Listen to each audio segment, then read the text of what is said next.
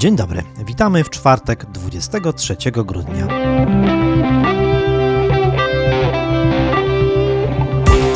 Do Wigilii Świąt Bożego Narodzenia pozostał już tylko jeden dzień.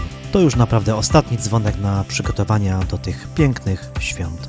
Zapowiada się, że będą one białe, bo synoptycy co rusz to zmieniają prognozę i przewidują temperaturę sprzyjającą opadom śniegu. Jaka ostatecznie będzie pogoda, przekonamy się już w najbliższym czasie. Imieniny obchodzą dzisiaj Anatola, Anatolia, Bazylides, Dagobert, Ewaryst, Ewarysta, Gelazy, Iwo, Iwona, Mardoniusz, Saturnin, Serwul, Sławomir, Sławomira, Teodul, Torlak i Wiktoria. 23 grudnia obchodzimy Światowy Dzień Snowboardu. A na cytat dnia wybraliśmy dzisiaj słowa Marka Chłasko, który powiedział tak. Życie nie jest koniecznością, ale jeśli już człowiek zdecydował się żyć, to powinien żyć pięknie. Rozpoczynamy nasz serwis informacyjny. A rozpoczynamy go od zaproszenia do przeczytania rozmowy Barbary Ćmiech z Angeliką Rawińską, która prowadzi kulinarny profil na Instagramie i ma ponad 16 tysięcy obserwujących. Jej konikiem jest kuchnia polska w każdej kombinacji. Jeśli nie macie jeszcze pomysłu na świąteczne potrawy i smakołyki, nie możecie pominąć jej internetowej bazy inspiracji. Link do profilu Pyszny Pomysł znajdziecie w naszym artykule.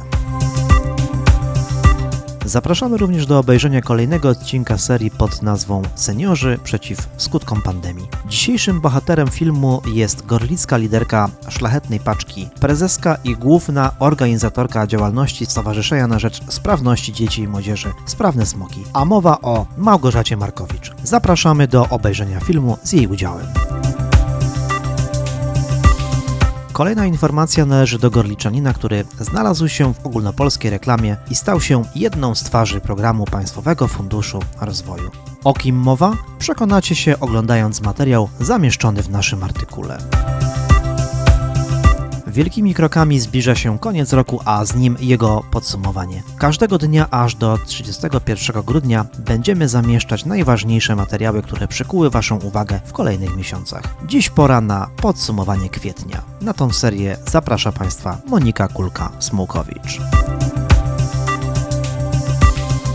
Mówiąc o podsumowaniach, warto wypełnić naszą ankietę dotyczącą postanowień noworocznych. Jesteśmy ciekawi Waszych odpowiedzi, a przy tym podpowiadamy, jak wytrwać w tych nawet najtrudniejszych postanowieniach.